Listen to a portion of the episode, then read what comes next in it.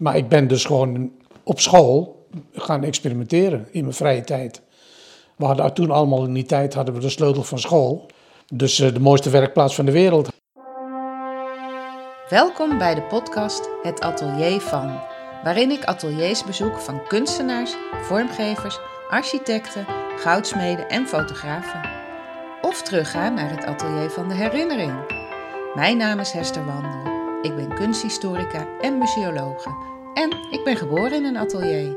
Ateliers zijn de rode draad in mijn leven, door mijn werk in musea, maar ook het kunstenaarschap van mijn moeder. Ga je mee naar het atelier van Vandaag ben ik weer uh, op pad en ik ben in Apeldoorn. En ik ga een oude belofte van 34 jaar geleden inlossen. Ik ga namelijk mijn leraar, uh, goudsmede uit Schoonhoven, Louis Hankaar, interviewen. Ik heb ooit een werkstuk bij hem geschreven en toen had ik uh, gezegd dat ik hem wilde interviewen, maar toen was hij ziek. En in het commentaar schreef hij: dat halen we nog een keer in.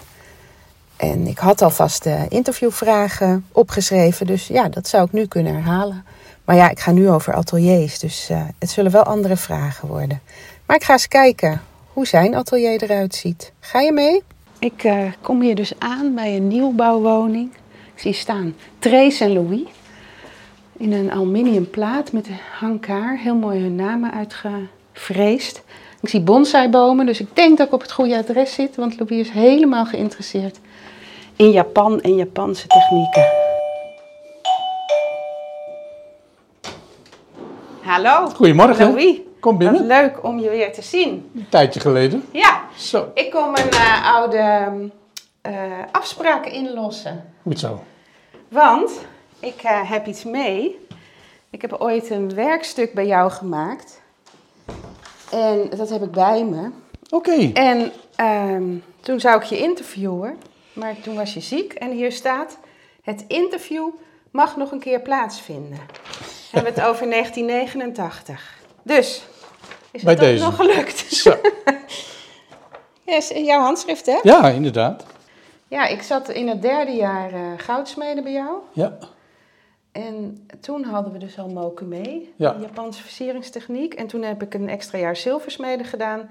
En toen heb ik het hele jaar gemoken mee. Klopt, kan ik me nog wel herinneren, ja. Ja? Ja. Ik vond het zo leuk.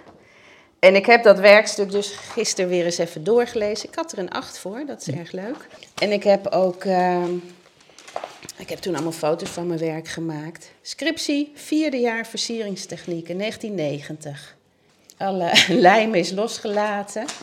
Maar ik heb hier vooral allerlei proefjes. Ik zie het. Leuk. Ja, en ja, het is... Uh, bij, bij Brans, bij emailleren, was ik met knikkers aan het smelten. En toen zei hij, dat noem ik pret emaille, omdat ik er zo'n pret mee had. Mm -hmm. Maar dat is met moken mee ook.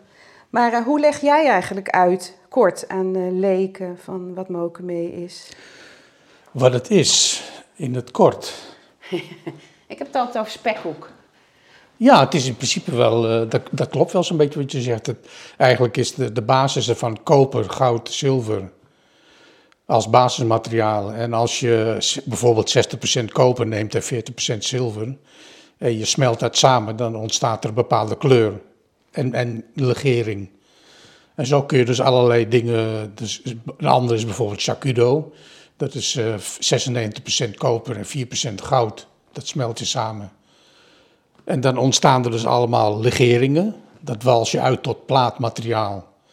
En dan door middel van uh, diffusie, dat stapel je dus als een spekkoek, want dat zei je terecht. Het ja, dan maar plaatjes materiaal op elkaar van verschillende kleur. Ja. En, dan wordt dat uh, beschermd tegen zuurstof en dan onder de hoge druk. Desnoods, uh, wat wij dus deden, was met staalplaten. En dan schroeven we er doorheen en dan met borax afdichten. Dat er geen zuurstof, want dat is gewoon een, een ramp. Als je zuurstof ertussen komt, dan hecht het dus niet. Nee. Nou, als je dat spekkoek, dat blokje hebt, dan kun je dat dus uh, als het ware dunne smeden. En dan van één kant af kun je dus door middel van boren of met bijtelen of veilen of wat dan ook, ga je dus eigenlijk door die, de verschillende laagjes heen, waardoor je dus in die, die veegroeven dus de verschillende kleuren gaat zien. En als je dat dan weer smeet, platter maakt, dan komt dat als een soort patroon aan de oppervlakte te liggen. Ja, En dat, eh, dat heet uh, mokume en dat betekent houtnerf. Houtnerf in metaal. Gane is uh, meta het, woord, het Japanse woord voor metaal. Ja. Dus houtnerf in metaal. Ja, dus je ziet eigenlijk een soort houtnerf in het metaal en daarmee kan je ja, dingen maken. En het, is, het, het, komt uit de 17e eeuw, begreep ik, Japans. Ja, klopt. Want ik zag in mijn werkstuk ook dat ik nog bij de TU in Delft en in het Volkenkundemuseum ben geweest om te kijken of daar literatuur over was. Want dat herinner ik me. Jij gaf die techniek, je had het zelf nou, ja, ontdekt. Weer een beetje ontdekt, ja. Ja, En maar er is niks op papier gezet, want die Japanners delen dat niet Nee, graag. klopt. Maar hoe ben jij er dan mee in aanraking gekomen? Eh, ik, wacht, ik heb op een gegeven moment, nadat ik jaren in de praktijk gewerkt heb, gewoon als, als goudsmid, eh, werd ik gevraagd op school om eh dus les te komen geven. Ik zei, ah, dat kan ik niet, dat is niks voor mij. Oh, En eh, jawel, ik weet niet of je Jan Hofland nog kan herinneren. ja, daar hadden, hadden we tekenen van. Tekenen hè? die, En die maakten van die sport, klopt. ehm, ja, hippe, moderne sport. Ja. eh, Maar die vroeg het mij, ik kwam hem tegen in Ja. Schoonhoven op de Heksenbrug.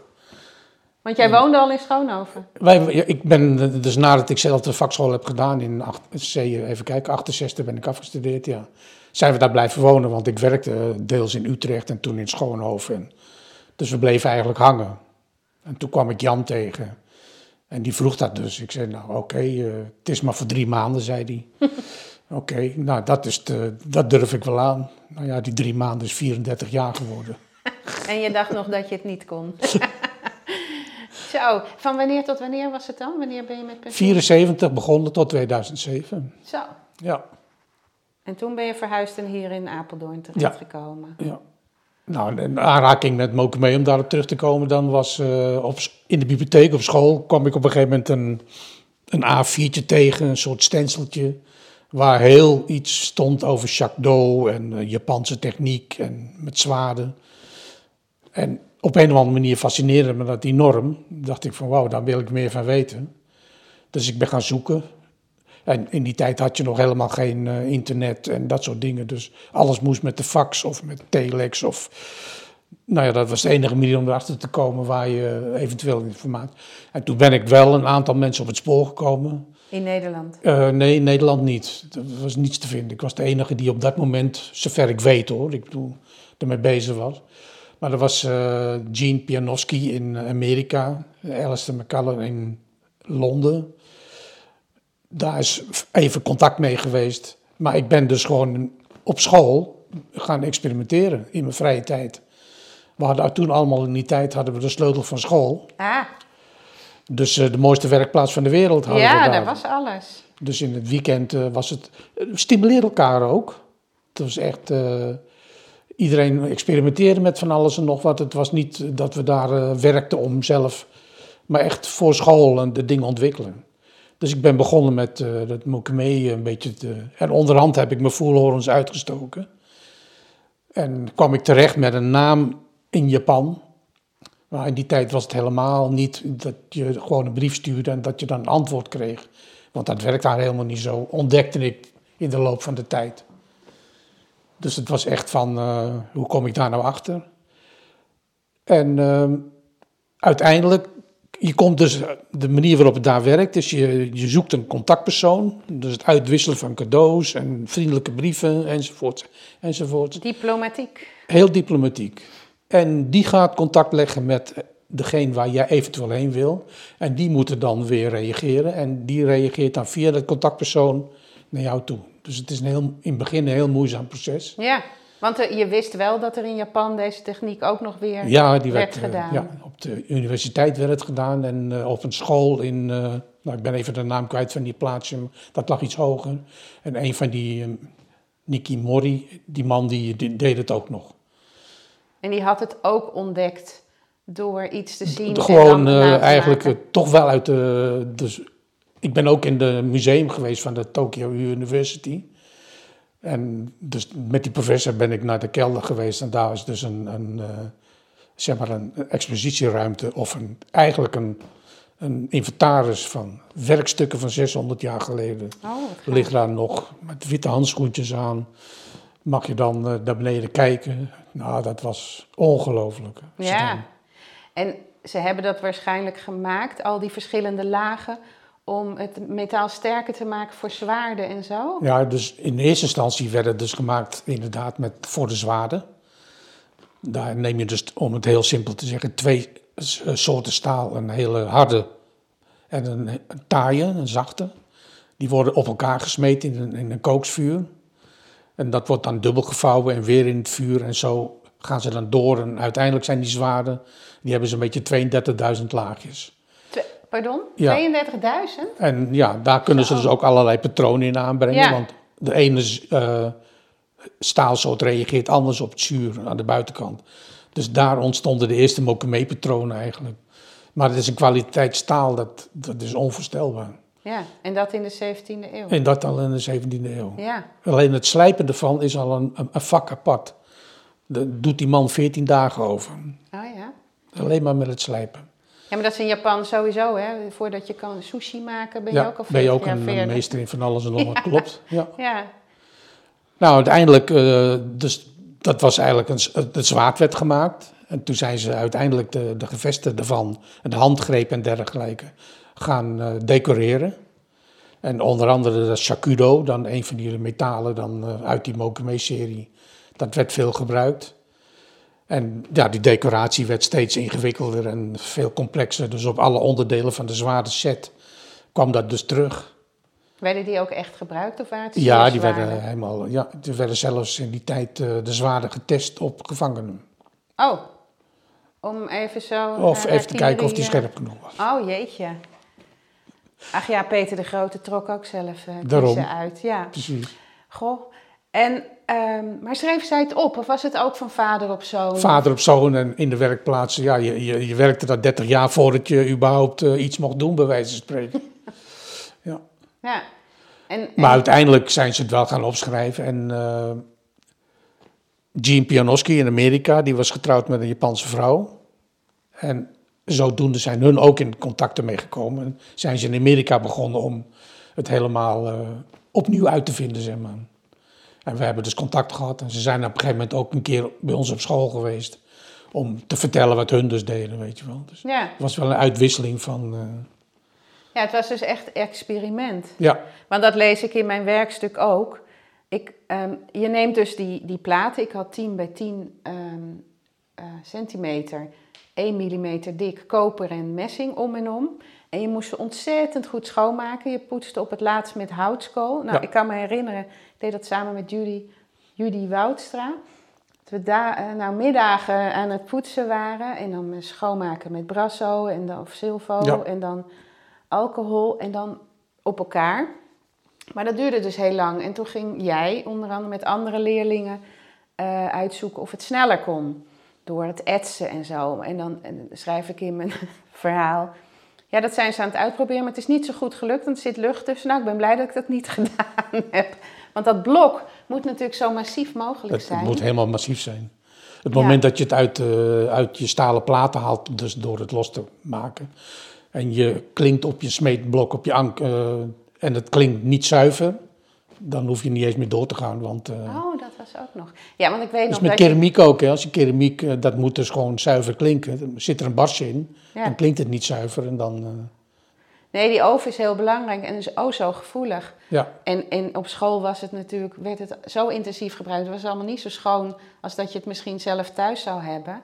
Dus het was altijd spannend. ja. Ja. En ehm, jij bent dus gaan experimenteren. Jij wist dat het zo werkte.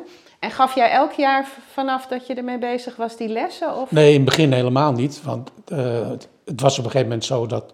Ik had dus voorbeeldjes liggen gewoon in de klas... wat ik in mijn vrije tijd op school had gedaan. En toen kwamen de leerlingen toen uit die tijd... eh, wat ben je aan het doen en eh, wat is dat voor iets? En is dat boeiend? Kunnen we niet meedoen? Dus het is eigenlijk heel spelende wijze ontstaan. En ik heb, ja natuurlijk, eh, kom maar als jullie het leuk vinden. Ik bedoel, ik ben een vakidioot wat dat betreft. Dus eh, als, als ik mensen enthousiast kan maken voor dat soort dingen, graag. Ja. Nou, dus er waren een aantal leerlingen die deden dus mee. En ja, met heel veel materiaalverlies. ja. ja, inderdaad. Het kon ook niet meer omgesmolten Nee, worden, nee, je, je kunt er niks mee. Het is, eh, Uiteindelijk is het dan zo. En op op een gegeven moment werd het dus zodanig dat eh, de school ook belangstelling kreeg. En in het kader van de versieringstechnieken waar jij dan eh, voor gekozen hebt. Hè? Ja. Want er waren allerlei technieken waar je voor kan kiezen. En Mokume was er één van. Zijn we het gaan integreren in de opleiding. En op een gegeven moment eh, ja, draaide het gewoon als, als volwaardig, vak. Zeg maar. Ja, precies. En heb je dat tot het eind eh, van je carrière daar gedaan? Ja. En wordt het nog steeds gedaan? Dat weet ik niet. Oh! Ja, want het hangt dan wel heel aan één persoon vast Dat is zonder meer een feit. En eh, ik heb natuurlijk... ja, Harry Brookhuis, die, die pakte het ook heel goed op. Dus er waren wel mensen die het deden. Maar ik weet niet of het nog steeds gedaan wordt. De school is helemaal verbouwd, is ook helemaal veranderd. Oh ja. En eh, Valt onder Satkin ook nu, hè? ja, Ja. En heb jij eh, het wel opgeschreven? ik heb het allemaal opgeschreven. En eh, toen ook al hoor. Ik bedoel, het was eh, een deel, een, een soort scriptie in het kort. En dat heb ik dus gedaan. Dus al die onderzoeken kwamen er ook in en de resultaten ervan. En toen ik in Japan wa- was geweest, eh, heb ik er nog iets meer van eh, los kunnen peuteren. Maar ze zijn daar niet scheutig om het allemaal te vertellen. Dus dat was niet makkelijk. Nee, nee want dat zei jij, dat, dat herinner ik dat je dat zei. En toen ik naar de universiteit ging en naar het museum, kwam ik eigenlijk alleen met plaatjes terug. Ja, het waren natuurlijk ook allemaal Japanse boeken, dus ik kon het überhaupt niet lezen. Maar die plaatjes zijn natuurlijk ook mooi, want dat zijn die tsu, tsuba's heten het Ja, toch? Die stootplaten van die eh, zwaarden. Ja. Ja, en die zijn prachtig. Ja, die zijn... Gekopieerd en uitgeknipt, hè? Want Ja. scanner was er nog Nee, niet. scannen was nog niet. En, eh, Nou, die ja, heb ik dus in het echt gezien, dus in het museum. Ja, dus daar moeten we naartoe. Zo. Ja, het is prachtig. Maar daar zit dus ook op een gegeven moment intarsia en dergelijke. Die technieken werden ze dus ook gebruikt. Hè? Dus daar, Ja, het inleggen van metaal. Ja. Ja. ja. En ehm, je hebt het opgeschreven voor jezelf? Of is er een, echt een boek gekomen? Nee, het is een geen boek gekomen. Dus eh, het lesmateriaal op school, is, er- daar is het eigenlijk bij gebleven. Want op een gegeven moment eh, gingen wij even kijken in 92, 93. Met vakantie naar Thailand. Fiets, wij hebben altijd fietsvakanties gedaan. Oh ja. Met de Dus- kinderen ook? Nee, de kinderen waren toen al de deur uit. Dus, Oh ja, eh, ja. Dus met z'n tweetjes. En vlak voor de vakantie toen kwam ik een leerling tegen op school. En eh, die vroeg, waar gaan jullie heen met vakantie? Ik zei, nou, we gaan fietsen in Thailand. En die zei, oh, wist je dat eh, Martin Duitsenberg daar eh, zit? Ik zei, nee, dat wist ik niet. Ik zei, maar, oh, zal ik het adres geven? Ja, dat is goed. Dus die gaf het adres. Die heb ik gefaxt en die zei van, oh, hartstikke leuk dat je komt. En die werkte dus bij een bedrijf, een heel groot bedrijf toen die tijd... waar ze dus sieraden en gebruiksvoorwerpen voor in huis maakten. Er werkten toen 250 man. Zo, waar zaten die? Die zaten in Bangkok. Oh, En ehm, dus Martin die zei, oh leuk met de fax. Oh, als jullie komen, laat ik het Ja, je zien. fax. En ik had, ik had dus een Mokume ring om ja. toen. Dus ik kwam in dat bedrijf en die eigenaar ervan die zei gelijk van, wat heb jij daar voor ring om? Ik zei, nou dat en dat, die techniek. Hij zei, oh, dat is interessant. Wil je mijn personeel dat komen leren? Ik zei, nou, ja prima. Ik zei, maar het kan alleen in de vakantie. Ja? Want eh, ik werk nog steeds op school. Oh, dat is geen probleem. Boek maar de vliegtuigen, kom maar en we halen je op. En oké. Dus dat heb ik een aantal jaar achter elkaar dus daar gedaan. Een maand of zo dat je in Thailand dan was. Ja, later toen ik met pensioen ging, was het zelfs drie maanden. Oh, je ging er daarna ook nog De- mee ja, ja, ja, ja. Maar daar werkte ik, mijn vrouw ging mee natuurlijk. Ja. En die weet zo langzamerhand net zoveel van het vak als ik. eh, want mensen vragen wel eens naar van, heb je ook die opleiding gedaan of zo? Nee, maar ik word ermee doodgegooid. ja. En uh, dus En gingen in we een maand, geen maand werken en dan namen we 14 dagen vakantie en dan weer een maand werken. En we hebben heel Thailand doorgecrossed, eh, van noord naar zuid, alle kleine eilanden. En, Leuk. een fantastisch land. Ga er binnenkort naartoe. Heb je nog een adresje voor me? Oh ja, zeker. Ja, ik was laatst op de eh, Sieraad Art Fair. Ja, En daar stond een, ja, nou dacht ik dat het een Pool was, die ook Moku meedeed. Het is ook een familiebedrijf en eh, er was een buurman, die was dat een beetje aan het promoten. Maar die weet eigenlijk nog niet zoveel van de techniek. Dus ik legde hem uit hoe het werkt. Zei hij, nou, je weet er meer van dan ik. Maar die probeert dat dus in Nederland ook aan de man te krijgen. Want ja, het, je ziet het niet veel meer. En, die- en dit waren vooral trouwringen. Zie je dus heel mooi al dat, eh, dat in elkaar verweven van die, eh, metalen. Ik dacht, nou, leuk, ga ik ook een podcast opnemen. Ja, ja. Maar dan moet ik naar Polen. Maar, ehm, Maar als je nu Mokumee intypt op internet, dan eh, kom je over de hele wereld. Dus het is een steen die wij in het water hebben gegooid in die tijd. ja, En dat zijn allemaal, dat is echt wereldwijd nu. eh, nou, dat is heel mooi. Dat Ja. je oude... ja, En, vinden ze dat in Japan ook fijn, dat dat weer... nou, dat is denk ik iets minder fijn, maar ze accepteren het wel, want ja, dat is toch niet tegen te houden. Nee. Nou ja, het is eigenlijk wat Jan van Nouwhuis heeft gedaan met die techniek van de Van Vianus. De oude techniek eh, onderzoeken en eh, daarop voortborduren. Ja, En jij hebt dus jarenlang dat onderzocht om het proces te begrijpen. Maar gebruikte je het zelf ook? ja, ja. Wat maakte jij ervan? Eh, hoofdzakelijk sieraden. Met, eh, met ook koper en messing of juist met zilver Nee, en goud? juist met al die andere legeringen. Ik heb een, eh, een blokje liggen nog, zal ik straks wel even laten zien. Daar zitten 21 laagjes in met allemaal verschillende legeringen. En dan nam je waarschijnlijk kleinere blokjes als je Ja, met het zijn goud allemaal werkte. blokjes van 5 bij 5. Ja, meer, ja wij eh, werkten 10 bij 10. Ja, Ja, want ik heb toen ook nog, want bij eh, zilversmeden moest je een kom maken van tombak. Want dat was heel hard materiaal, dus dat was extra moeilijk. En dat heb ik van Moken meegedaan. En dat was heel spannend, want je had met het smeden had het kunnen splijten natuurlijk, Ja, omdat er ja. dan lucht tussen was. Maar dat is helemaal goed gegaan. kijk. Had ik eh, een goed blok gemaakt. ja, ehm, en heb je ehm, dat dan ook verkocht, tentoongesteld? Was je Eh, buiten het werk... ehm, Jawel, dus in die tijd ook wel dingen verkocht. Maar het accent is heel langzaam sluipenderwijs in het onderwijs terechtgekomen. Ja, drie Dus- maanden werden 34 jaar en, Ja. eh, en spijt van gehad. Nee, helemaal niet. Nee. En denk je nu dat je leraar bent? In hart en nieren? Oh ja, dat eh, zonder meer. Ja. Ja. Nou ja, het is je enthousiasme om, om te ontdekken en eh, wat je overbrengt, dat werkt denk ik. Ik weet dat er een andere leraar was die ik nooit gehad heb, maar heel schools. En die heeft wel eens tegen meisjes gezegd, je eindigt toch achter het aanrecht. Dus waarom zou ik je het uitleggen? Vreselijk. Ja, dat is toch zo demotiverend? Dat kun je niet voorstellen, zoiets. Nee, en dat is dan je collega. Ja. Maar jullie hadden een groepje met wie je dus na schooltijd ging experimenteren. ja, dus eh, Als wij in de flash dansten, dan zaten jullie zaten wij op school. Ja. Nooit geweten. Tot het het ROC werd en eh, toen ging de hele boel op slot. En er kwamen er allemaal codes op de deur en mocht het allemaal niet meer. Dus vanaf dat moment Zakte het in. zakte het helemaal in. En ging je niet, was er niet iemand met een groot atelier waar je door kon gaan? Nee, maar dat, qua techniek vond ik dat niet meer, ja, klinkt heel raar, maar niet meer nodig. Omdat ik, Jij had het onder de knie. ik had het onder de knie voor mijn gevoel, dus dat, dat was voor mij voldoende. En toen begon heel langzaam eh, dat computer-aided design op te komen. Ja, jij bent inderdaad in de computers, eh Ja, computertekenen verder gegaan. Ik kan me herinneren dat, wij dat er een eerste computer op school was. En dat was volgens mij, hoe heet de tekenleraar? Huibers. Die ging ons dat duidelijk maken. Want wij moesten nog schilderen. Mhm. En dat was het eerste. Nou, ja, wij, wij waren de eerste, maar we Ja. hebben nooit gebruikt. Maar jij bent dat gaan uitvinden ook. Ja, dus ook dat geïmplementeerd. Er waren heel weinig eh, echt programma's in die tijd die dus echt 3D werkten. Dus het was allemaal 2,5D en AutoCAD was er één van, helemaal in het begin. En toen ben ik naar een beurs geweest.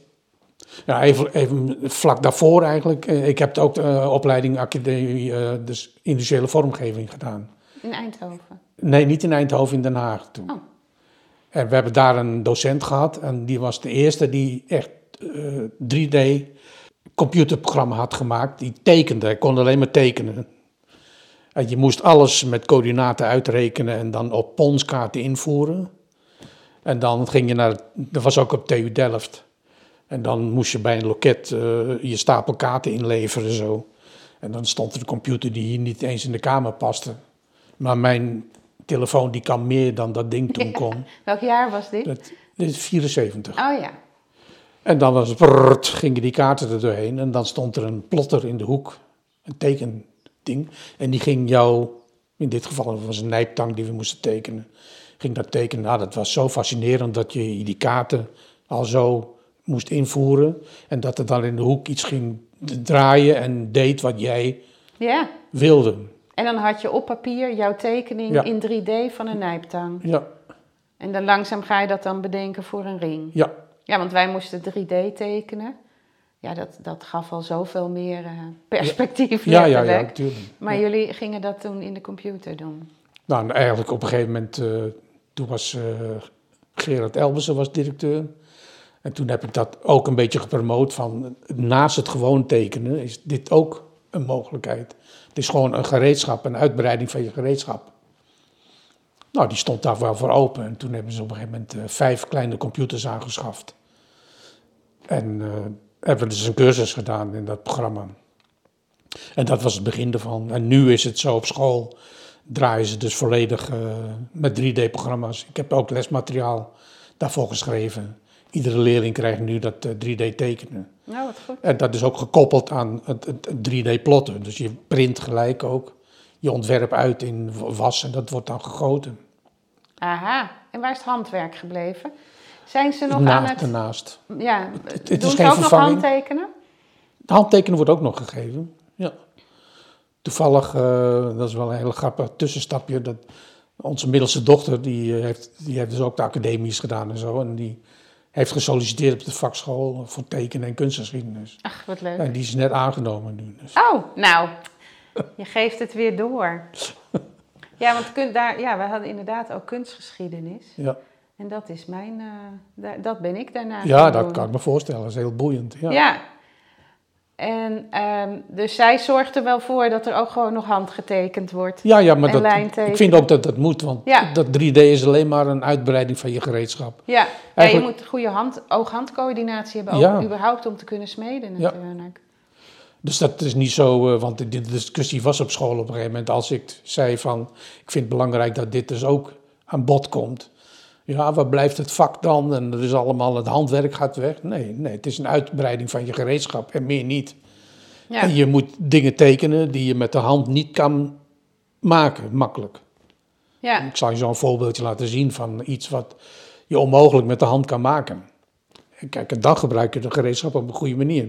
ja, en je Als- kan het van alle kanten bekijken, zodat je van tevoren al ziet hoe iets eruit komt Ja. te zien en of het draagbaar wordt of pas, passend. Ehm, en in het begin, als zoiets ontdekt wordt, is het natuurlijk heel veel. Ik ben jaren geleden ook eens op die sieraad art fair geweest. En toen was er heel veel 3D geprint. Dat je ook bijna het idee had, oh, wordt er nog wel met de hand gesmeed? Mhm, mhm. En nu de afgelopen keer was er niet zoveel Nee, 3D. nee. En dan is het toch weer allemaal Ja. handwerk. Maar Nee, is- nogmaals, je moet het niet zien als eh, een vervanging van. Nee, Alleen een uitbreiding van de mogelijkheden. Als je die op een goede manier gebruikt. Ja. En jij deed dus, jij gaf goudsmeden en allerlei technieken, ook granuleren, hè, die Ja. met hele kleine gouden bolletjes, zoals de Egyptenaren dat deden. Maar ja, dat vond ik ook zo leuk, Ja. dat er in oude tradities werd onderzocht Vond ik heel dat nu- belangrijk. Nu, zouden doen. Ja, ik had ook nog dat granulé willen doen, maar ja. Ja, dat heeft jullie gedaan. Hè? En is die nog aan het werk, weet je dat? Ze is naar Spanje verhuisd. Heeft ook een Spaanse vriend of man. En de laatste keer dat ik contact met haar had, toen werkte ze nog wel, maar dat is al een paar jaar geleden hoor. Dus hoe het op het moment is. eh, ik probeerde toen nog een keertje contact te krijgen, hoe het gaat. Maar, eh, dus of ze is verhuisd of. eh, maar die heeft toen granuleren gedaan, dat eh, kan ik me nog wel herinneren. Ja. ja, dat was ook ontzettend mooi. En als je in de musea ook kijkt, die, eh, nou, van de Etrusken of Nou, de Egyptenaren, het is zo prachtig. Nou ja, ik, ik ben een grote voorstander van dat je naast de moderne technieken, die oude technieken, niet verloren laat gaan. Die je dus doet, nog blijft doen in de opleiding, vind ik dat on- ontzettend belangrijk. Ja, dat je ook goed het vak leert kennen of leert In onderzoeken hoe zij dat deden. Ja. Ja. Kijk, en als je zegt van ja, dat doen we tegenwoordig niet, want het is veel te duur. Ja, dat zal allemaal wel, maar dat, dat gaat voorbij aan. Ik vind dat een kort, kortstondige beslissing van nou, het wordt niet meer gedaan, dus schaf het maar af. Ja. Juist niet, het moet juist doorgegeven worden. En dat het duur is, dat, is, dat zal best. Mokeme is in principe ook een dure techniek. Ja. Er is heel, heel, komt heel veel te- techniek aan te pas. Ja, maar dat is en- geen reden om het niet te doen. nee, precies. Gewoon zien hoe anderen deden om te leren voor nu. eh, Ja, ja. Ja, het is, het is tegenwoordig allemaal duur, want je moet enorme gasovens eh, stoken. En, eh, ehm, dus je deed dat goudsmeden, je deed die versieringstechnieken, je bent dat computertekenen gaan doen. En daar, dat deed je allemaal tegelijk? Of Ja. zijn er vakken die je dan niet meer gaf? nee, dat gaf ik allemaal. eh. en ik, we hebben ook, eh, Samen met eh, twee, drie anderen hebben we een start gemaakt met een nieuwe opleiding op school. Dat, dat was dan versneld goud. Dat was voor mensen die al een HAVO-diploma hadden. Dus kon je een aantal algemene vakken kon je dan laten zitten. En daardoor extra techniek doen. Waardoor je de opleiding in plaats van vier jaar, dus drie jaar kon doen. Maar dan had je meer techniek. Dan had je meer techniek. Oh ja, want ik had natuurlijk VWO gedaan. Ik ging naar het MBO, dat vond men raar. Maar de Schoonhoofd was de enige en is de enige. Ja. Ja, je had nog de LTS, maar dat werd ook minder, geloof ik. Waar dat vak geleerd kon worden. En inderdaad vier jaar. Ja. En ik ben dus ook betrokken geweest bij eh, een kopklas, een, zeg maar vijfde leerjaar. Dan kon je kiezen voor vormgeven, dat gaf ik dan. En je kon kiezen voor techniek. Dus dan ging je nog dieper op nieuwe techniek in. Dus lezen, lassen, lezen, snijden, dat soort dingen. Werden dan ook in die techniekklassen gegeven. En vormgeven, dat kwam echt op gewoon het ontwerpen terecht. En eh, ja, want ik zie jouw eh, naambord buiten. Dat Ja. heb je zelf eh, gelezen. Nee, eh. dat, dat heb ik niet zelf gelezen. Dat vond ik wel grappig. Dat heb ik met mijn afscheid gekregen. Ja? Wij hadden in Schoonhoven ook een naambordje, geprint. Daar stonden dus de namen op, maar dan uitgeschreven ook het adres. Dus Ambachtstraat 34. En als er dan mensen langs liepen, dan keek iedereen zo, want je moest zo kijken om het te kunnen lezen, want het was heel groot. Zo. ja. En eh, dat wisten een aantal collega's dus ook. Dus met een afscheid toen kwamen ze dus, dit is lezen snijden in roestvrij staal. En als je goed kijkt, zie je er twee namen erin staan met de twaalf. En dan, als je goed kijkt, is het, de achternaam, Hankart, is in tweeën gesneden. Hij zit aan de buitenkant er langs. Dus dat vond ik een hartstikke leuk cadeau. ja. Gewoon uitgaande van de technieken die... eh, Ja, dat is een mooi, eh, een mooi afscheidscadeau inderdaad. Ja, ehm, ik heb eh, voor het graf van mijn moeder eh, de tekst in Cortenstaal laten lezen door Philip Somers, ook eh, schoolgenoot. ja, En heb jij nog veel contact eigenlijk met oud-leerlingen? ja, Ja? Ik denk zelfs contact met eh, mensen die ik de eerste jaar... Ik heb dus in 1974 ben ik begonnen. Dat we nu nog kerstkaarten krijgen van mensen die ik de eerste keer in, in de klas had toen. Zo. Ja. En je hebt ze altijd gevolgd en ze zijn jou op de hoogte blijven Ja. houden. Want met mijn afscheid, ik zal je die dvd meegeven. Toen wilden ze dus eh, weer een speech gaan houden en zo. zei ik, nou, laten we dat maar niet doen. Als je die veren er zo nodig in moeten, dan had je dat eerder moeten doen. Om het zo maar uit te drukken. Ik zei maar, wat ik leuk vind, zou ik willen dat mensen waarvan ik weet dat die nog in het vak zitten... dat die dus wat werk opsturen en dat we dan in Schoonhoven een hele grote tentoonstelling organiseren. Nou, dat is, ik heb toen een aantal collega's gevraagd of ze mee wilden helpen. Dat is ook gebeurd. Uiteindelijk waren er 450 goudsmeden Echt waar? uit de hele wereld. Amerika. Ja, je had contact over de hele wereld. Ja, wat leuk. En die hebben allemaal, eh, hebben we dus gevraagd, van stuur vijf, vijf sieraden op. En daar hebben we dus in eh, alle galeries, toen was de Watertoren, daar was dus alle galerie nog. Artes Causa, het museum, het Goud en Zilvermuseum en nog meer galeries. En daar hebben we het werk over verspreid, ook in school natuurlijk. Dat was het werk. En er zijn ook heel veel eh, studenten dus mee geweest, of, of op die dag van het afscheid. En dat was, het was gelukkig ook heel mooi weer en het was, het was fantastisch. Want je Ja. kwam- door de hele stad kwam je mensen tegen die nou, je tien jaar geleden in de klas hebt gehad en die eh, daar rondliepen. Want je kon gewoon naar alle galeries lopen en zo. Wat leuk. Ja. Nou, wat, dat is wel heel mooi inderdaad. Dus dat vond ik een leuk afscheid. Ja, en eh, ik zie hier, want we zitten in jouw huiskamer met eh, allemaal modern meubilair. Heel veel blauw, ik voel me weer helemaal thuis. Goed zo. Ik zie ook keramiek. Ja. Is dat ook van jou? Nee, keramiek is niet van mij, maar eh, het is wel... eh, ja, verzamelen is een groot woord, dat doen we niet. Maar we zijn wel weg van ja, eigenlijk allerlei objecten en dergelijke. En dus af en toe dan kopen we wat. Ja, en, en daar staat een... Is dat van jou?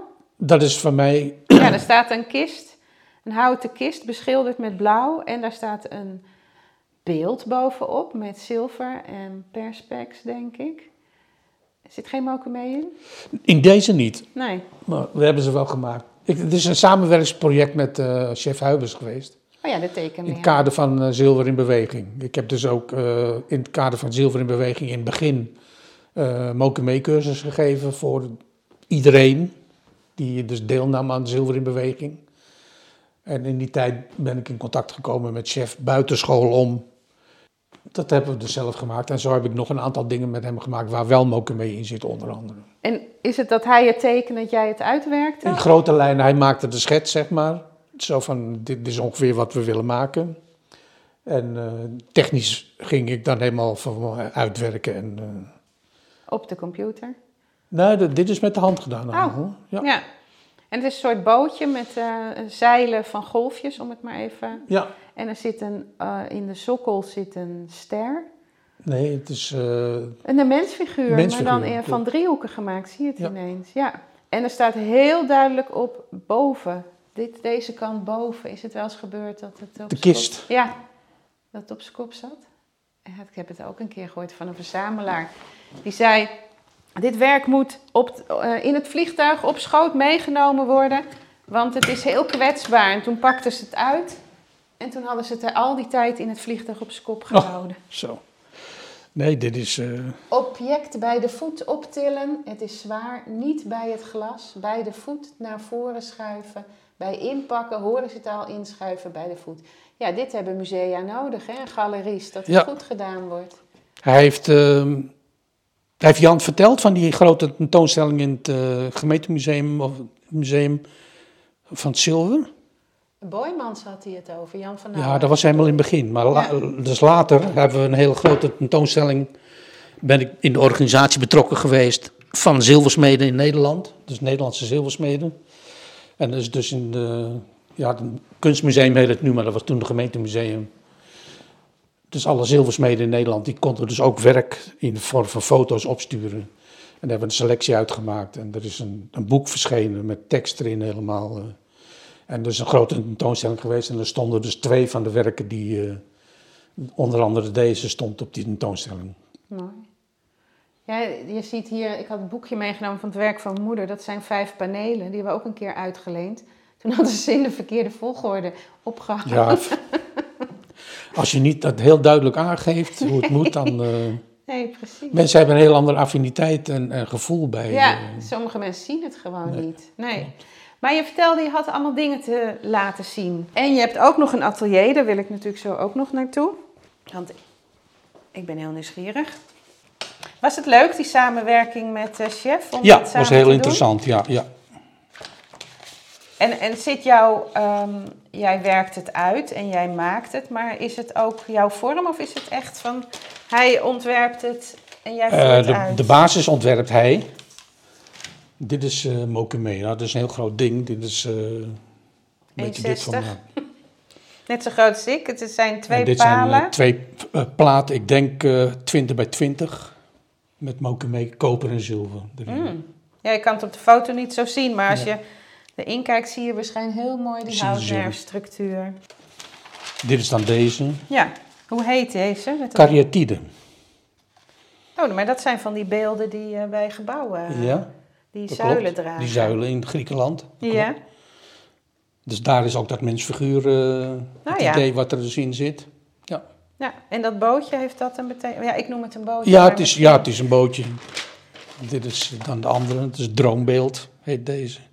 En dit is opgebouwd uit materialen vanaf lood, via staal, messing naar, enzovoort naar goud.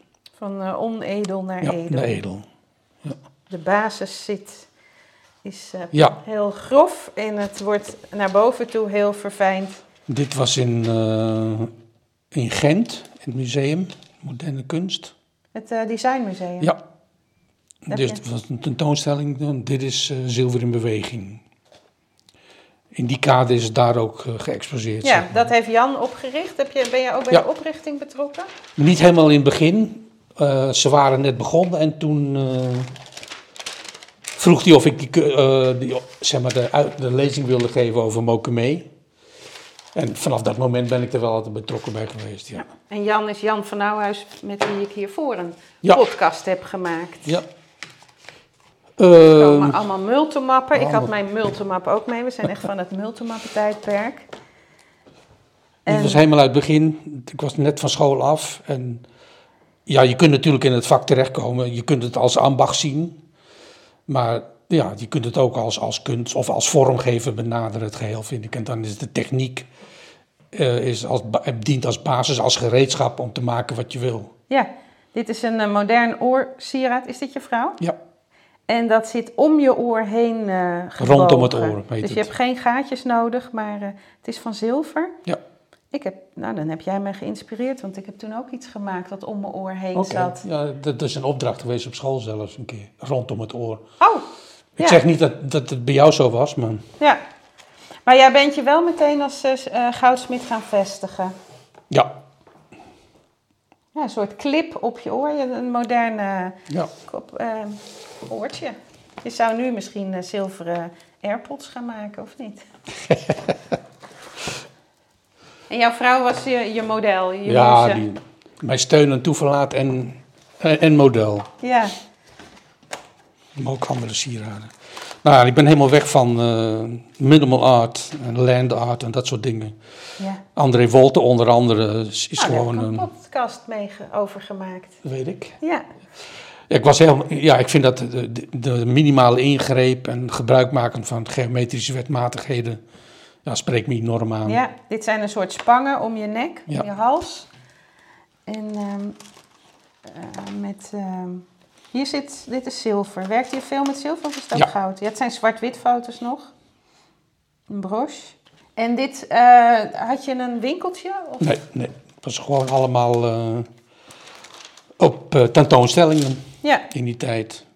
En zijn, zit jij in de collectie, eh, zit jij in museale collecties ook? Nee, niet dat ik weet. Heb je aan eh, Marianne Unger verkocht? Nee, Oh, want die verzamelde moderne Ja, ja, ja, sieraden. ja. En haar collectie is onder andere naar het Rijksmuseum gegaan. Oké. Nou, dan wordt dan tijd dat je Ja. nog in de museale... Heb je nog veel? nee, ik heb niet zo erg veel meer. Dan komt het misschien via eh, verzamelingen toch nog in... eh, geanodiseerd aluminium. Oh ja, dat is ook een techniek die we leerden Ja. van Jan Matthesius. Dit is een vierkant van aluminium met daarin, ja, hoe zeg je dit nou? Eh, staafjes, twee staafjes die daarop gesoldeerd of, nou het zal niet solderen Ja, het zijn solderen. Oh wel, Ja, ja. En dan met die minimale ingrepen. ja. Dat is allemaal gevreesd. En dit is jaren zeventig? Ja, Dat zie je ook aan de kleur van de foto. ja, ja, ja. ja. Ja, het past heel mooi. Hele strakke sieraden op eh, strakke kooltruien. En had je wel een vaste groep ehm, kopers van je werk? Die, Ja. eh, Oh, dit is algemeen werk. Want dit, wa- dit zijn Mokeme brosjes. oh ja, het zijn een soort damsteen, nee, Ja, dambord. Thema verschuiving. Dus het is een patroon en dan weer doorgesneden en verschoven ten opzichte van elkaar. Als het goed is heb ik daar nog wel andere foto's van. Zijn er nu op, behalve je eigen dochter, in de vakschool leerlingen van jou die nu het vak weer doorgeven? Ja, zelfs zo dat eh, er zijn leerlingen die ik in de klas heb gehad. En later dus de kinderen daarvan ook al in de klas heb gehad. En dan was er dus eh, het laatste meisje en die zei... eh, hoe was mijn vader hier op school? Ik zei, Ja. nou, dat moet je aan je vader vragen en niet aan mij. Zij wil natuurlijk horen dat hij eh, Precies. eh, laveloos in de klas zat of zo. Kijk, dit zijn die brosjes. dan. Ja, mooi. Dus dat is koper en zilver? Eh, nee, en shibuichi zit erin.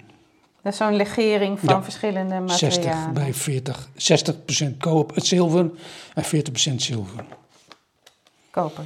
Ah ja, sorry. Ja, en dan kleurt dat door eh, verhitten Ja, of door zuren verkleur- verkleurt dat. Geeft dat een andere kleur en dan krijg je heel mooi een dambord-effect. Maar dan is het verschoven waardoor het eh, een soort ritme wordt. ja. Leuk om te zien. En eh, heel tijdloos ook, hè? ja. Het is niet dat je nou... Ja, die foto's zeg je, dat is jaren zeventig. Maar het is... ehm, Dit was weer een experiment met kunststof. Dus gespannen folie tussen een raamwerk. Waardoor je dus welvingen krijgt die ook moeilijk, moeilijker te maken zijn. Maar het zijn niet zo goed gelukt. Het is wel heel leuk dat je het allemaal kon uitproberen. Ja. Hè? We zullen ook wel eh, heel, met hele vieze spullen hebben gewerkt. Want ik was ook PVC of zo aan het Oh ja. smelten. Mhm. ja, dat Ik weet niet, eh, werkte de wijs, afzuiging eh, goed Zo. op school? Uiteindelijk wel, maar in het begin niet. Nee. Dit zijn halssieraden dan in een hele strakke, eenvoudige vorm. Waarbij je, de, eh, je, je kon hem dus voorzichtig lostrekken en dan zat er een draaibeweging in om hem om te kunnen doen. Maar dat is dus helemaal weggewerkt, daar zie je dus niks van. Oh ja. Ja, een soort. het doet denken aan voor een paard, hoe heet zo'n ding? Een- Ja? het klinkt een beetje oneerbiedig, maar het zijn een soort spangen om je nek, maar het lijkt ook een, een juk bijna. Mhm. Maar dan heel fijn van zilver en mogen mee? Nee, dat is aluminium met staal. Ja, wat dat betreft zou je je foto's nu allemaal nog een keer moeten, of je werken nog een keer moeten fotograferen. Eigenlijk wel, hè? Zo anders is qua pixels.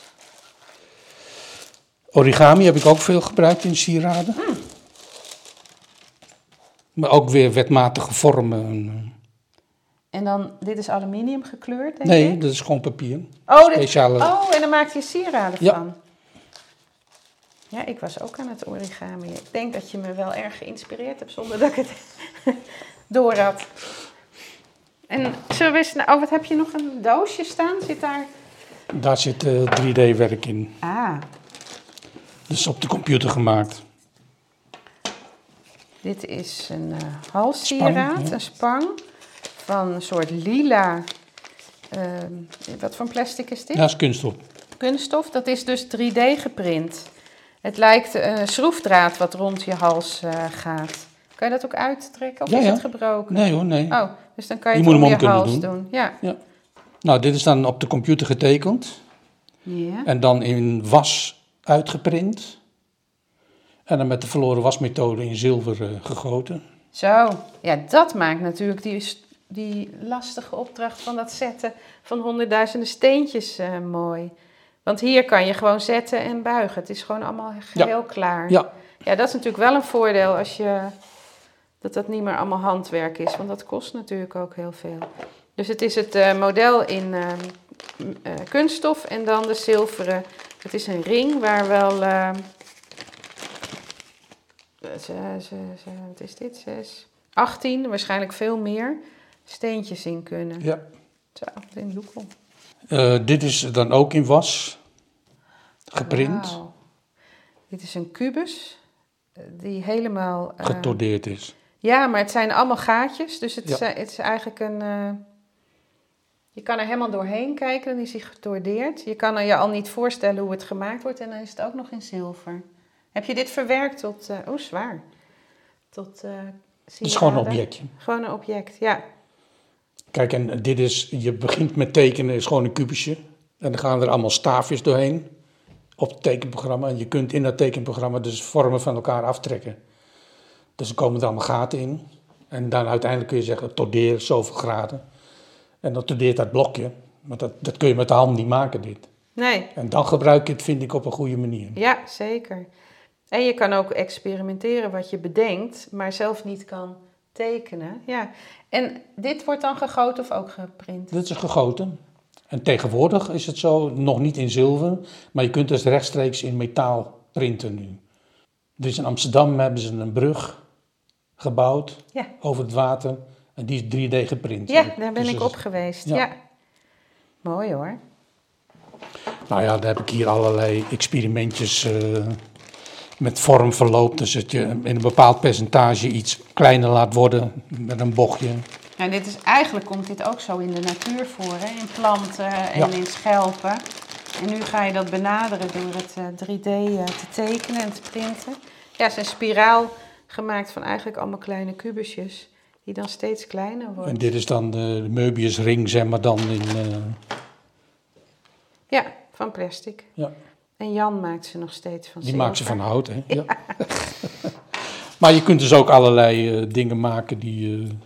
dus ook allemaal proefjes, experimentjes. Hoor. Leuk. En heb je dit zelf, zo'n 3D-printer? Of, eh, Nee, die, heb ik, die waren toen nog te kostbaar. Tegenwoordig zou het wel kunnen. Ja, ik heb het gezien bij Peggy Bannenberg op Ja, de... klopt. Nou, die heeft bij mij de eerste stappen geleerd. Oh, wat leuk. Die had toen een... ze moest een burgemeesterketen maken. En ze wist niet hoe ze dat moest presenteren, dus ze is bij mij geweest. En toen hebben we dus het ontwerp die zij gemaakt heeft, hebben we dus in de computer getekend. En op die manier eh, als presentatietekening dan. Ah. Had ik, ik had je wel... eh, Ja, ik heb het gezien. Ja, Ja. een tekening van, eh, ja, Een burgemeesters of een ambtsketen. Ja, Ja, want de ambtenaren die ervoor moeten, over moeten beslissen, willen natuurlijk wel zien hoe het eruit komt te zien. ja, En dat geeft dan wel een heel mooi beeld van hoe het er in het echt uit komt te zien. ja. Leuk zo'n doosje met allemaal doosjes. Ja, Met Nou, allemaal de- zakjes waar eh, vroeger het zilver in... eh, dit is een andere principe van printen. Dus dit is in was en dit is dan in kunststof om te kijken hoe het model wordt. En zo kun je ook zien hoe dat eh, gedaan wordt. Het is een bak met vloeibare kunststof. ja. En de, de computer berekent eigenlijk in dunne slices, dus in dunne stapjes, berekent hij de doorsnede. Het is één holle vorm wat je dus hebt staan. En dan gaat hij op een gegeven moment onderaan beginnen. Dus dit zijn steunbalkjes Ja. die erin zitten. En dan komt hij op de hoogte van de, het vormpje, wat er, dus van die pootjes van de setting, zeg maar. En die gaat hij dan printen. En dat gebeurt door middel van het laser. Dan wordt het kunststof uitgehard. En de rest blijft vloeibaar. Dus dan gaat hij helemaal door dat ding heen. Dat zakt elke keer een eentje naar beneden toe. En dan is die op een gegeven moment, als hij de hele vorm geprint heeft, dan wordt het afgespoeld. En dan is die vloeibare kunststof weg. En dan heb je dus die ring. ja, en die kan je dan weer... En die, eh, die kun je dan eventueel, je maar goed, dit is maken. natuurlijk een betere stap, dat je hem gewoon gelijk in was hebt. Ja. En dan eh, op de verloren wasmethode kun je hem dan eh, gieten. Goh, wat is er toch veel mogelijk. Het lijkt me wel, als het allemaal zo perfect kan met zo'n gietvorm of zo'n geprinte vorm, dat het alleen maar moeilijker wordt. Want we zijn natuurlijk wel perfectionisten. ehm, willen, ja, we zijn perfectionisten, we kunnen het niet allemaal perfect. Dat het steeds moeilijker wordt om het zelf te maken, omdat je dan ieder dingetje ziet. Dat je, Mm, ja. Ik kijk ook altijd aan de achterkant van, eh, is het wel goed gemaakt? Ja, Ach jeetje. zijn bolletjes voor setting, met allemaal settingjes. Zo, dit is een, een bolletje van zilver. Dat is dus ook ge- dat is hol met allemaal gaatjes. En er zitten dus allemaal setpootjes aan. En dan kun- kan dus helemaal rondom gezet worden met eh, briljantjes. Dat wordt een duur ding. Ja. En dat, kijk, ik heb hier iets om wat ik getracht heb, eh, hoe heet het ook alweer, eh filigraan te maken. Eh, dit kan allemaal veel strakker Dit kan allemaal veel strakker, ja. Nou, je, je kunt ook met tekst werken. Dus hier is er een dingetje, er staat een tekst aan de binnenkant van de ring. Dus als je die ring gaat dragen, dan drukt je eh, Ja, de tekst af in je vinger. Oh, leuk. Ga even kijken wat er dan staat. Nou, nu wil ik wel eens zien wat jij dan voor een werkplaats hebt. Dat is goed. maar Nou, het is niet veel want- werkplaats meer, maar Hm, laat maar liggen, want dan, krijg ik, eh, dan maak ik nog even wat foto's, dat de luisteraar ook het ziet. Een heel klein fietsje van... het is roestvrij staal Oh, en dan eh, met lasersnijden gedaan. die heb je als ketting. Die kun je als ketting fietser. ja, Ja, wat leuk. Fietsen jullie nog steeds? Jazeker, maar niet zoveel meer als toen. Nee. Dat zijn altijd fietsvakanties van 1500 kilometer. Zo, Van Frankrijk naar de Middelland, of van hier naar de Middellandse Zee. En we hebben dus Thailand gefietst en Bali, Lombok, Sumbawa. En een stukje van China. Ja, fietsers zijn daar bekend, maar hadden jullie veel, baarden jullie veel opzien? Ja, heel veel. Want, Met, ook met al die tassen, alhoewel, dat zijn zij ook gewend met die fietsen helemaal maar ook, eh, nou ja, je denkt China allemaal fietsen. Maar zo langzamerhand zijn het allemaal brommetjes geworden. Ja, dat is me toen in eh, Vietnam ook opgevallen. Wat een herrie. We lopen nu de garage in. Die geen garage is, daar staat de oude keuken. Er staan de fietsen. En hier een heel klein werkplaatsje met een echte werkbank. Met een zaagplankje wat eh, vol met gaatjes en zaagsneden zit, zoals het hoort. En Ja. Keurig aan de muur alle hamertjes en vijlen en tangetjes neergezet. Het is een onderscheid tussen eh, de goudsmitswerkbank en de gewone hobbywerkbank. Ja. Ja, want eh, dat moet wel gescheiden blijven. Dat moet ik weet gescheiden wel dat blijven. mijn man ooit een keer mijn tangetjes had gepikt voor iets. Oh. Dat ik dacht, ja, maar dat kan, Kan niet. niet. Oh, je hebt zelfs die schuurplankjes eh, keurig aan een spijkertje hangen. En zit je hier nog vaak? Ja, zit hier wel regelmatig. En nog altijd inspiratie ook? Zeker weten. Ja, dat gaat nooit over. Nee. Gelukkig. En, en oh, je hebt gewoon gas, je hoeft er niet eh, met je mond eh, de Nee, zuurstof. nee, dat was gewoon, op eh, school, hè? Ja, ja, ja, ja. Dus overigens nog steeds een hele goede manier van heel nauwkeurig solderen. Dat je zelf bepaalt hoeveel Ja. zuurstof erbij Ja. komt. En we hebben hier, ja, die heb ik nu eraf heb ik aan iemand anders meegegeven, die wil het uitproberen. Je kunt om, dus deze zuigt de zuurstof hier aan. Maar als je hier een hulsje omheen doet met een, een dingetje, dan kun je hem ook een klein beetje regelen. Dat hij dus minder met de barbecue. Ja. En er staat hier, eh, er staat niks op, op het, eh, er zijn hier, eh, hoe heet het nou? Vercoliet. Nee, de, vuursteen. Oh, vuursteen. ja. Met, met tangen, derde handjes, die Ja. je werk kunnen vasthouden. Ligt klaar, allemaal penseeltjes om de borax op te smeren, om te stoken. En spelden om eh, het werkstuk op plek te houden. Alles ligt klaar, maar wat eh, ga je maken? Wat zou je gaan maken als eerste? Dit, ik eh, ben nu bezig met een, maar dat ga ik niet laten zien. Ik ben bezig met een sieradenset van een kennis van ons. Waarvan de moeder is overleden en alle sieraden, ja, ze daar kan ik niks mee. En dan ben ik een nieuwe sieradenset voor aan het ontwerpen. Met de gedachte hoe hun waren, want wij kennen ze dan. Ja, En dan eh, ga ik die maken. oh mooi. Ja. ja. En dan wordt het een hals sieraad met een ring en oorhangers. Op basis van de oude sieraden. Zie je die dan nog terug of smelt je Nee, het om? nee, het is omgesmolten. Zij wilde Ja, ja. niet eh, de oude vorm weer terugzien. Nee. Oh, dat is mooi. Dit is het Mokeme blokje wat ik zei, er zit 21 laagjes in. eh. Jeetje, dus dit is een blokje van 3 bij 5. Ik zal het even nameten. Heb je, waar is je meetlat? Even de schuifmaat pakken. Nou, 3,7 bij 5 centimeter. 5 millimeter dik. En hoeveel laagjes metaal zijn dit op elkaar? Zijn? 21. 21. Ja, het is doorgezaagd, dus je ziet het niet zo goed. Maar als je dit dus gaat bewerken, gaatjes inboort en veilt en uitsmeet, dus een grotere plaat van maakt, dan komt dat allemaal tevoorschijn.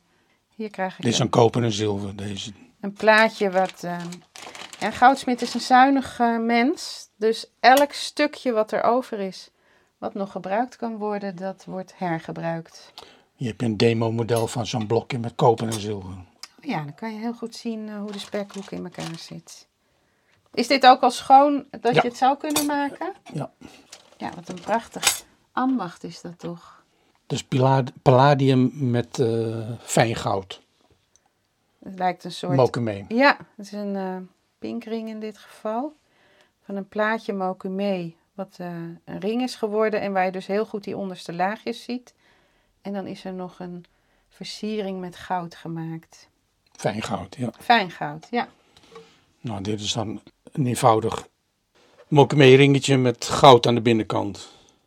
Ja, want ehm, eh, koper en ehm, messing geven af. Dan krijg je hele zwarte vingers. Dus je hebt aan de binnenkant heb je goud gedaan, zodat je niet eh, zwarte vingers hebt.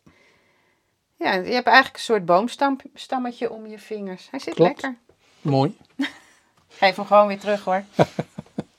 Nou, dit was een proefje dat- met dat verschuiven ook. Ja, dit is een dambord Ja. van verschillende metalen. En dan heb je een, een, hoe heet dat? een speld om hem als broche op te Ja. doen. Heb Maar je proefje. Ja, maar zo krijg je wel een beeld. Maar dit zijn staafjes die je hebt eh, aan elkaar gesoldeerd en dan doorgezaagd. En... Nou, dit is wel een heel leuk verhaal. Dit heb ik op school uitgeprobeerd. Normaal is mokeme dus laag op laag, op deze Ja. manier. Maar dit is dus anders. Dit zijn eigenlijk eh, wat dikkere plaatjes. En die heb ik gewoon in stroken geknipt, helemaal. Maar en dan de mokeme effect is van de zijkant af. Dus niet van bovenaf. Dus eh, ik, had, ik was hiermee aan het experimenteren op school. En toen was er een, een leerling in de klas en die zei van, Ben doen, is dat ook mokeme? Ik zei, ja, dat is ook mokeme. Ja, maar dat kan toch niet, want dat, dat kun je toch nooit onder druk zetten? Ik zei, nou, als jullie er naar achter komen, mag je het komen vertellen. Het was op een feestje. Dus ik heb ze uitgedaagd om uit te zoeken hoe dat nou gedaan was. En eh, ja, maar mogen we dan komen als we het weten? Ja, dat is goed, kom maar. Nou, ik, ik weet niet hoe vroeg het was in de ochtend, maar er werd er gebeld. En hadden ze het inderdaad uitgezocht. Dus ik vond het hartstikke leuk dat ze Ja. dat deden. Ja, Wat je doet bij de druk hiervan is een staalplaat. En dan zijn dus de dingetjes die erin zitten, die zijn net een fractie dikker dan de staalplaat. En dan moet je voorstellen dat je dan de kanten van dat staal, heb je een soort raamwerk.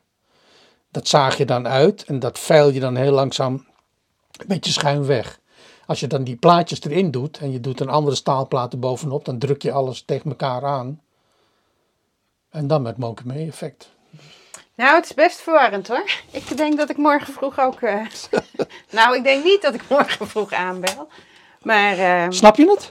Nou, ik, eh, daar- niet helemaal. Nou, nog een keer.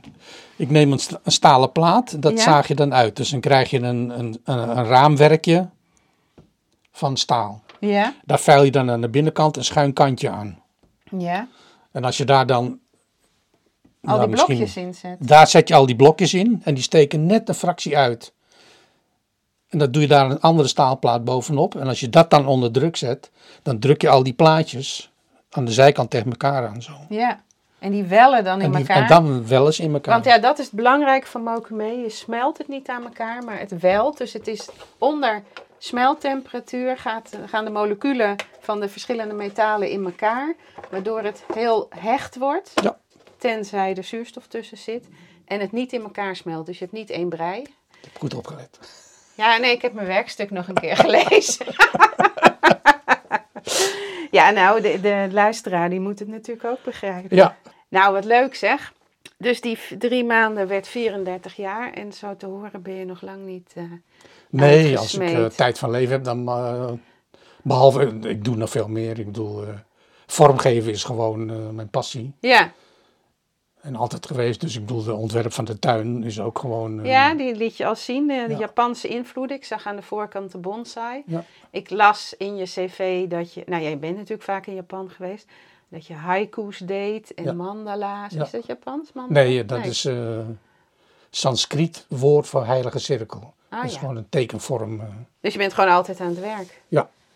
Nou, ik zou zeggen, ga lekker door. Dankjewel. En, Gaan we doen. Heel veel En als plezier. ik jonge mensen kan inspireren, dan is dat mijn passie. Ja, nou, bij mij is het gelukt. Ook al ben ik een andere kant op gegaan. Maar eh, Dat is niet erg. nee, het, eh, je neemt het wel je hele leven mee. Ja, Dus, geloof ik ook, ja. Ja, dankjewel. Oké, graag gedaan. Luister je graag naar deze podcast? Laat de maker weten dat je waardeert wat hij of zij doet en geef een digitale fooi. Dat kan zonder abonnement, snel en simpel via fooiepot.com. Fooiepot met een d.com.